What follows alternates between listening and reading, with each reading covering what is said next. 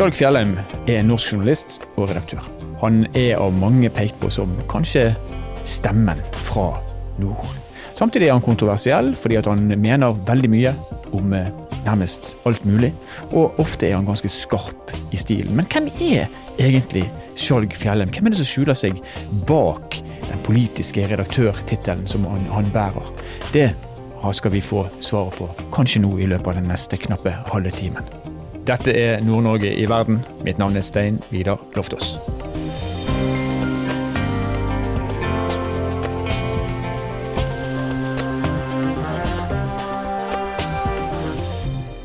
Skjalg, velkommen her eh, hit til oss. Eh, jeg har lyst til å starte med å spørre deg, med dine egne ord, hvem er du? Jeg er jo eh, en samfunnsengasjert mann som nettopp er fylt 52 år. Um, og er politisk redaktør i avisa Nordlys. Um, gift, far til tre barn, bor her i Tromsø. Elsker Tromsø, elsker Nord-Norge. Har et hjerte som banker for landsdelen vår. Det er vel meg som er Altså kort oppsummert. Og så har du, du er eh, kommentator, og vi kjenner deg i dag som politisk kommentator i Nordlys. Men du har jo gått en vei før du, før du kom dit. Hvorfor, hvorfor, har du endt opp hvis man kan si det sånn, som politisk kommentator i Nord-Norges største avis? Det starter jo med egentlig at jeg vokste opp i en familie med stort samfunnsengasjement. Min far var aktiv politiker i mange år hjemme i kommunen der jeg vokste opp, på Senja. Eh, og det var en familie der det var veldig mye politiske diskusjoner. Og jeg ble også politisk aktiv eh, i min ungdom, eh, i Sosialistisk Ungdom, når jeg gikk på gymnaset på, på, Finnsnes. Og så balla det på seg. Jeg begynte å studere.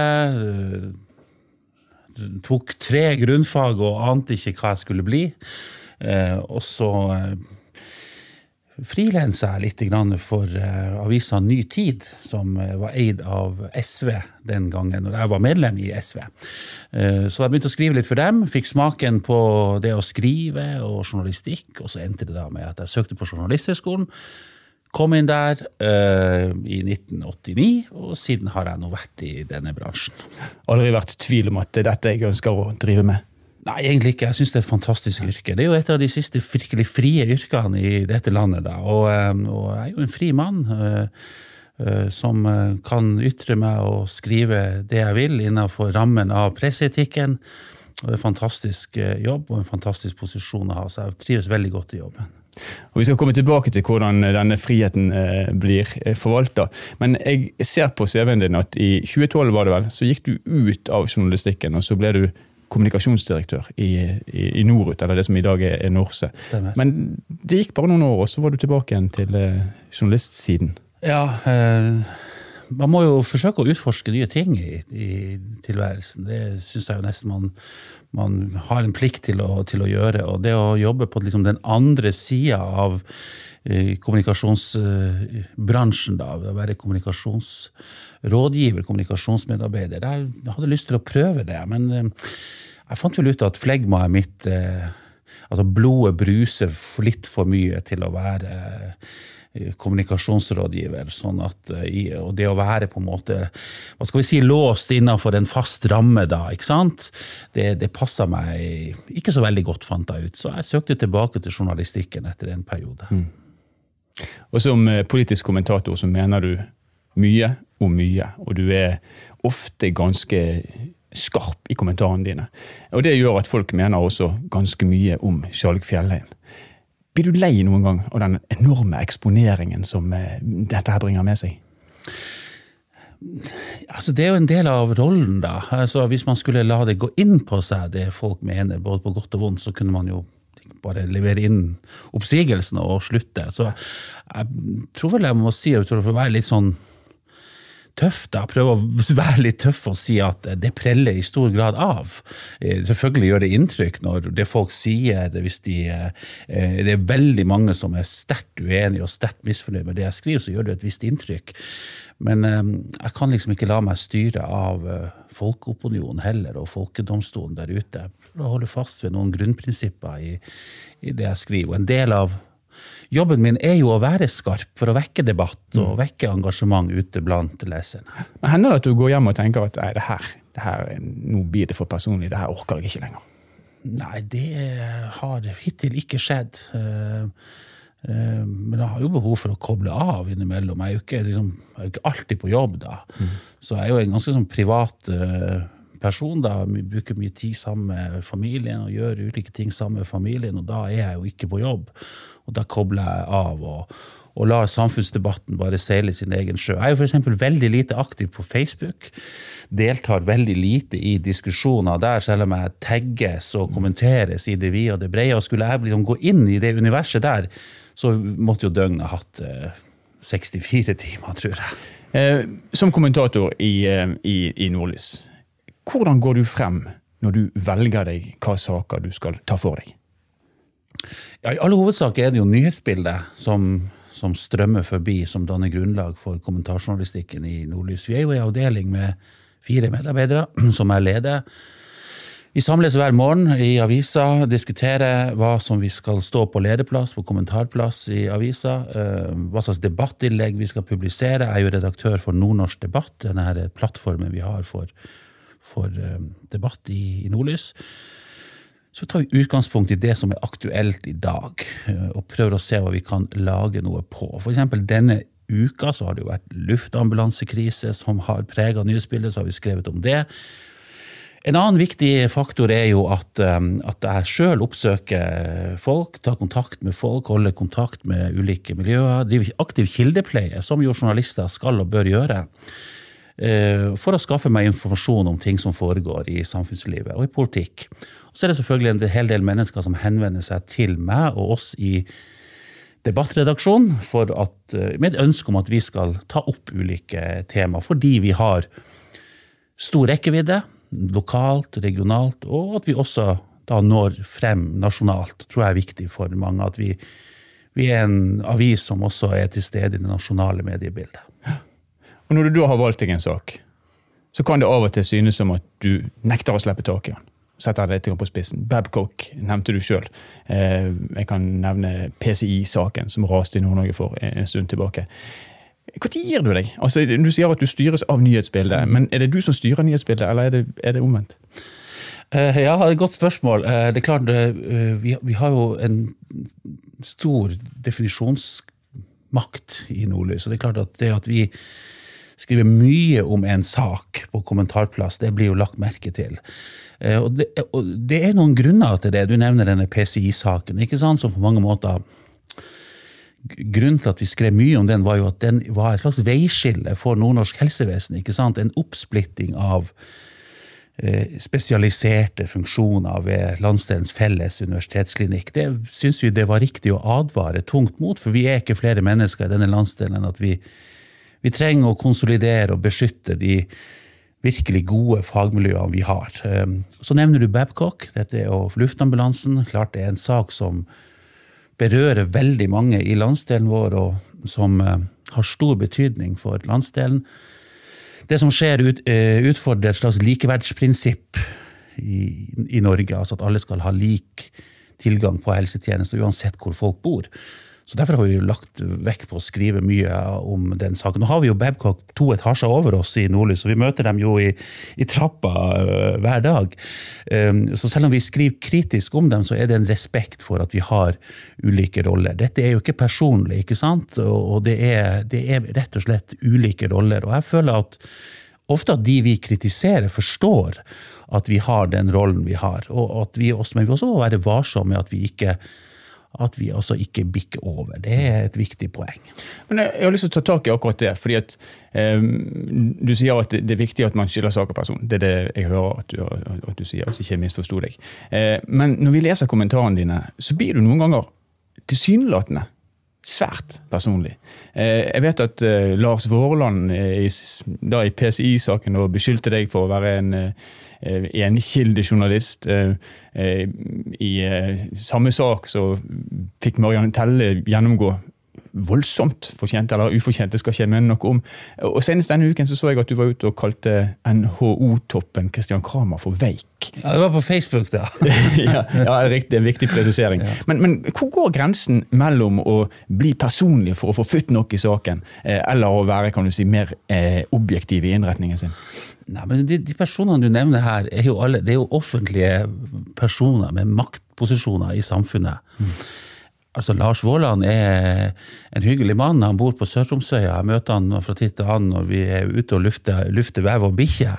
og har uh, hyggelige, greie samtaler om hverdagslige ting. Så jeg tror ikke jeg, han har noe personlig agg til meg, og det har i hvert fall ikke jeg til han. Uh, men han er jo en person som forvalter enormt mye makt. Han er sjef for 19 000 ansatte i det nordnorske helsevesenet. Um, så jeg syns liksom det, det å å ettergå beslutninger som gjøres i Helse Nord, er jo, er jo veldig viktig. ikke sant? Eh, så ble det jo ganske høy temperatur akkurat i denne PCI-saken, da, der vi havna på på kollisjonskurs med, med Helse Nord, og, og, jeg har forståelse for at det er en belastning for et helseforetak. og å ha en følelse av å være under tung beskytning fra et mediehus over lang tid. Det er ingen tvil om at det, det, det er grunn til å diskutere også vår rolle her. Mm. Og jeg er åpen for, alltid åpen for en diskusjon. Om det er jo alltid diskusjoner om Nordlys sin rolle. Det er jo det som er det fine med det. når det Folk kan skrive til oss, kritisere oss, helt åpent. Når det er mediekonferanser i Tromsø og i Nord-Norge, så er ofte nordlys et tema, og den journalistikken vi driver, også på kommentarplass, og det syns jeg er helt fint og helt eh, legitimt. Mm. Som kommentator i, i Nordlys, så som sagt, du mener mye om mangt. Eh, og i noen tilfeller så kan vi få et inntrykk av at eh, i en sentrum-periferi-perspektiv så, eh, så, ivaretar du distriktene, mens i andre tilfeller, som senest nå med Langesundstunnelen, så blir du beskyldt fra distriktene om å være en, en bykjær person.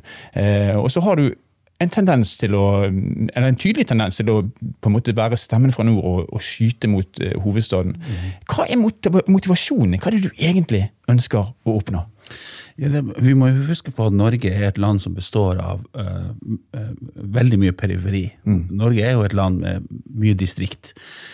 Og jo lenger ut i denne periferien du kommer, så er du, da, altså, da er vi i Nord-Norge, og Nord-Norge er veldig langt unna hovedstaden og unna hovedstadsmakten. og i den nordnorske eh, folkesjela, og også i, i Nordlys sin historie, så ligger det veldig mye motmakt. Nordnorsk motmakt mot eh, beslutningsmakt i, i, hovedstaden. Og det er jo den tradisjonen vi står i. Det er jo ikke noe nytt at Nordlys eh, kritisere makt i hovedstaden. Det har vi jo gjort under skiftende redaktører. Hans Christian Amundsen, en av mine forgjengere. En fantastisk mann, fantastisk redaktør. Eh, dessverre døde han i, fjor sommer. Eh, han var en eksponent for noe av det samme. ikke sant? Det å være en tydelig motstemme mot makt i Oslo. Ivan Kristoffersen, en annen. Så Nordlys har en tradisjon for denne type kommentar og meningsbærende journalistikk. Så, så det er en en viktig del av vår selvforståelse, det å representere et, eh, et, eh, et, en stemme fra nord i den nasjonale debatten. Og det er klart, denne valgkampen som vi har bak oss sist høst, viser jo at uh, vi skriver jo ikke et vakuum. Det er jo en reell mistillit der ute i det nordnorske samfunnet mot sentrale beslutningstakere i sør. Mm. Ser du på deg sjøl som stemmen fra nord?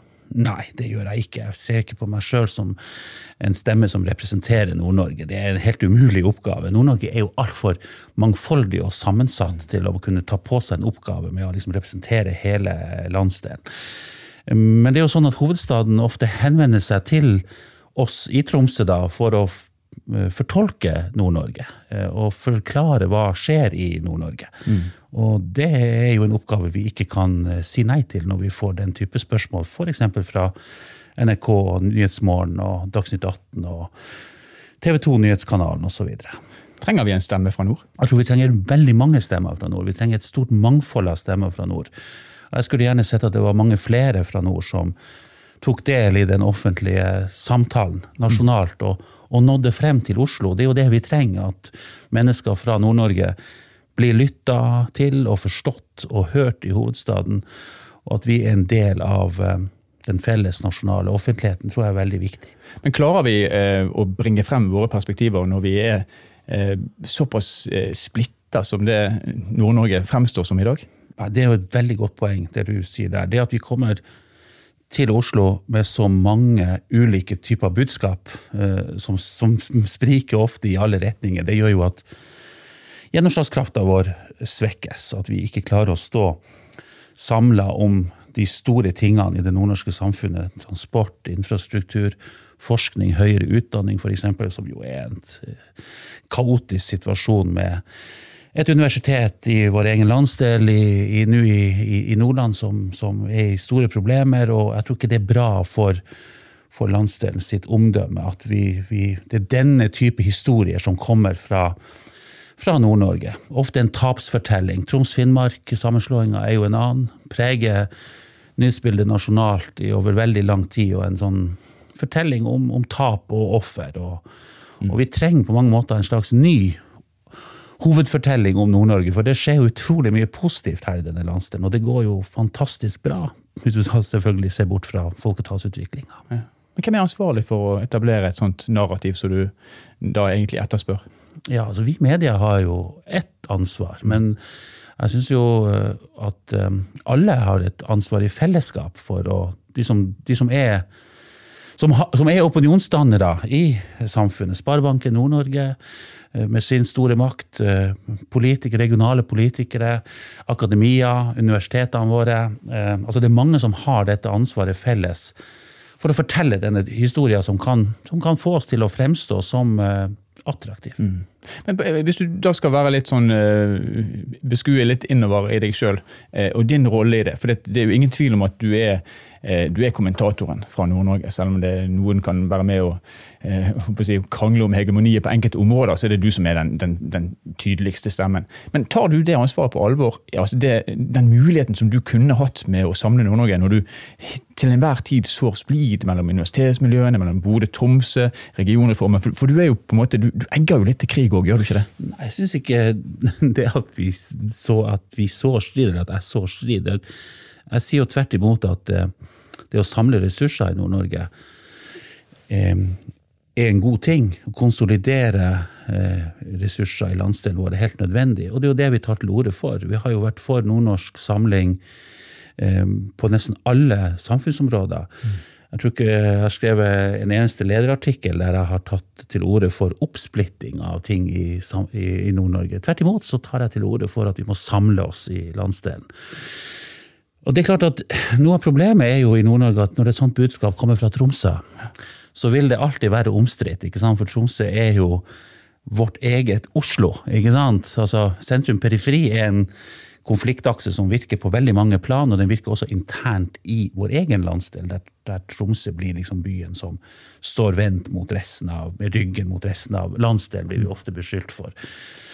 Så jeg tror det som at avsender, eh, Nordlys, Tromsø, ofte um, kan være eh, et problem i en sånn eh, nordnorsk kontekst. Det, det, det, er jeg fullt, opp, fullt ut oppmerksom på. Men igjen, Nordnorsk samling, nordnorsk fellesskap, det mener jeg vi absolutt tar til orde for, og det har vi også en tradisjon for i, i Nordlys. Hva tenker du om eh, Nord-Norgesbenken, altså politikerne som er valgt inn fra nord til Stortinget, og deres ansvar i både å bære et, et nordnorsk narrativ til hovedstaden, og det med å, å forene eh, et ganske splitta Nord-Norge? Altså, De er jo ikke veldig synlige, da, de nordnorske stortingspolitikerne, syns jeg. Så jeg synes at de, de, kunne på en måte ha dratt lasset mye tydeligere sammen i de store sakene for landsdelen.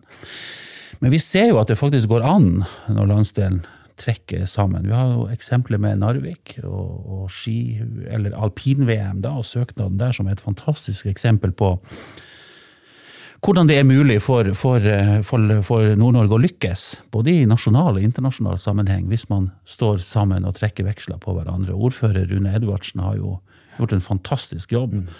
i Narvik for å, for å, få med seg hele Nord-Norge på dette prosjektet. Jeg skulle ønske at vi kunne lære av det Narvik har gjort. Nå er det selvfølgelig litt sånn enklere med et, et skirenn enn ting som skal lokaliseres et sted. Et, mm. et alpin-VM er ikke en lokaliseringsstrid. Når vi skal begynne å lokalisere ting i Nord-Norge, så blir det fort eh, krangel og spetakkel. Men um, jeg syns Narvik viser vei. Absolutt.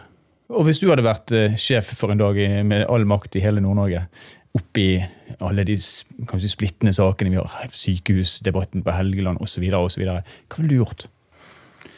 Ja, som observatør så, så er det kanskje vanskelig å plukke en enkel, ut en enkel sak, men det er ingen hemmelighet at jeg er en sterk tilhenger av, av å bygge jernbane i Nord-Norge. Så ville jeg kanskje sagt at hvis vi, hvis vi skulle få bestemme eh, i Nord-Norge hva som vi skal sette øverst på agendaen, når vi får liksom tilgang på statskassa, så ville jeg sagt bygg Nord-Norgebanen så raskt som overhodet mulig. Og Hva legger du da i Nord-Norgebanen? Er det en forlengelse av eh, skinnegangen fra Fauske til Tromsø? Nei, Da legger jeg i det at man, man ikke i dag tar stilling til traseer, men at man sier at dette skal være noe som skal binde Norge sammen. Jeg tror at Hvis vi begynner å gå inn og si at vi skal ta den ene strekninga før den andre, så ender vi fort opp i en, i en uheldig situasjon. Men jeg tror at hei, vi, må se, vi, må, vi må holde fast ved at hovedfortellinga at dette skal være et prosjekt som skal binde Norge sammen, altså fra Fauske og nordover. Det er i hvert fall min, min store drøm og ambisjon. Jeg tror det er et, et kinderegg for Norge å få, å få dette på plass. Tenker du det er en symbolikk i det også med å binde Nord-Norge sammen? Ja, veldig sterk symbolikk i det.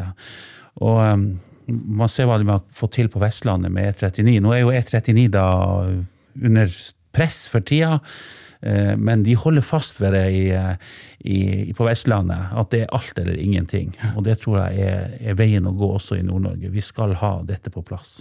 Se til Vestlandet, kunne jeg sagt, men det skal jeg være forsiktig med å si. Eh, jeg har snakka med noen av kollegaene dine, jeg har snakka med noen, les, eller, noen av leserne dine, for å si det sånn, folk som ikke kjenner deg, og folk som kjenner deg, for, og, og bedt å gi en kort beskrivelse av eh, hvem Skjalg Fjelle er med sett eh, litt sånn utenifra.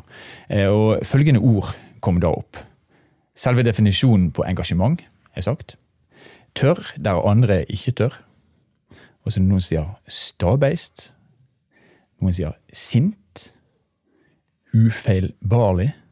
Og så var det en som sa jeg kan aldri huske han har skrevet en gladsak. Kjenner du deg igjen i disse beskrivelsene? Ja, det syns jeg jo var mye der som jeg kjenner meg igjen i. Men jeg er ikke så sint, da. Jeg er jo egentlig en ganske blid person. eh, eh, også. Men det med gladsak var interessant, for det, det, det, det ser jeg jo. Det kan bli veldig mye leit og, og alvorstungt eh, det, det jeg skriver. Så det er absolutt noe som jeg tar med meg. Kanskje man skulle skrive om noe hyggelig. Og noe som, men det vi snakka om nylig, alpin-VM i Narvik har jeg jo skrevet masse om, og det er det jo veldig hyggelig å skrive om. Men jeg tror kanskje det også det er sånn at det er det konfliktstoffet som jeg skriver om, som kanskje blir lagt mest merke til. da, ikke sant? Det er vel noe, noe der. Og det er fordi at det er det som engasjerer mest. Se bort ifra alpin-VM i Narvik. Hva gladsaker er det du kunne tenke deg å ta fatt på? Altså øh, Det er jo historier i nordnorsk næringsliv som om bedrifter som, øh, som lykkes, og som får det til, og som gjør en fantastisk øh, innsats i et internasjonalt marked. Vi har jo sånne bedrifter her i vårt eget nærområde. Brøstadbotn, Finnfjordbotn, ikke sant. Her i Tromsø, og langs kysten finnes det masse virksomheter og en idérikdom som er helt fantastisk. Jeg skulle, øh, håpe, jeg skulle ønske at jeg hadde tatt meg sjøl tid til å skrive mer om de som lykkes, og de som faktisk får det til.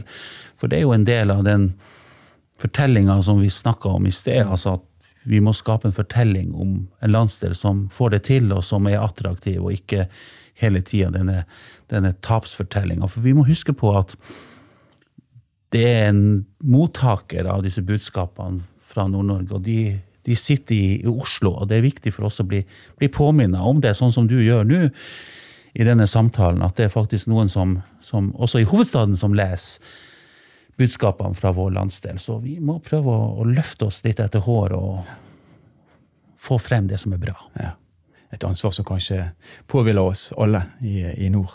Eh, En god beskrivelse, det. Eh, jeg skal komme med en annen eh, påstand som blir servert, eller ikke en påstand, men en refleksjon fra en av de jeg spurte. Eh, hun sa jeg lurer på om han tenker at han mater nettrollene. Tenker du at dine skarpe formuleringer og dine noen ganger litt sånn på person-beskrivelser gjør at nettrollene får noe de kan henge seg på og, og blomstre?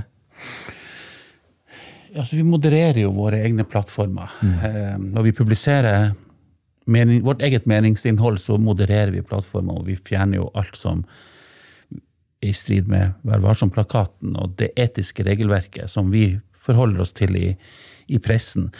Eh, når ting havner i eh, Facebook-universet, så er det jo ute av våre hender i mm. stor grad. Det, det at folk deler det på ulike plattformer og, og på sine egne Facebook-sider, og det oppstår diskusjoner der, det, det har jo ikke verken jeg eller avisa herredømme over. Eh, men det er klart at de sosiale mediene har jo sin egen dynamikk. På mange måter splittende, polariserende, en, ofte en destruktiv logikk. Eh, så det er, noe, det er noe sånn det er i vårt moderne mediesamfunn. Og jeg prøver, i motsetning til det du sier, å å, å, å skille mellom sak og person. Det er veldig sjelden, altså, Jeg kan ikke huske at jeg har retta noen sånn direkte pers alvorlige personangrep mot noen, men det er klart at mennesker som har makt, blir jo uh, mye tydeligere eksponert enn andre. Det gjelder jo også meg sjøl. Jeg er jo også en som blir eksponert for masse kritikk. Og det mener jeg vi må tåle, vi som er offentlige personer. Og vi som har fremskutte posisjoner i, i, i det offentlige rommet. At vi må vi må ikke gå i fosterstilling eh, og føle oss krenket så snart noen sier oss imot eller utfordrer oss på, på sak eller er litt tøff i tonen. Det, det, må, vi, det må vi tåle. Mm. Nå er det snart jul. Og julen er jo, i hvert fall for veldig mange av oss, en glad høytid. Hva skal du gjøre i julen? Nei, Det skal være hjemme på Bjerkaker i Tromsø sammen med familien min, kose meg, spise god mat, uh, ha gode samtaler med familie og venner. Og um, kose meg litt uh, med Netflix på, på, kveldene og se gode serier og filmer. Hva, hva ser du på Netflix? Eh, nei, det går en del i dokumentarserier. Ingen overraskelse? Nei, det er dokumentarer det går i. Og så, så er det akkurat nå også på å lese Hans Olav Lahlum sin biografi om Reiulf Steen. Fascinerende bok om en stor mann i norsk politikk. Så jeg er veldig glad i å lese også politiske biografier. Så det blir kanskje tid til å lese en bok eller to også. Hva som gjør deg skikkelig glad? Når Manchester United vinner, blir jeg veldig glad. Når TIL vinner, blir jeg også veldig glad. Eh, så jeg er jo veldig opptatt av fotball. Jeg elsker jo fotball. og, og har sesongkort på Alfheim. Og, eh, fotball er en ting som, som gjør meg glad. Eh, og når mine døtre eh, gjør det bra i ryttersporten, som de jo er aktive i, så blir jeg også veldig glad. Eh, så det er jo, det er jo den type hverdagsopplevelser som, som, som, gjør meg lykkelig.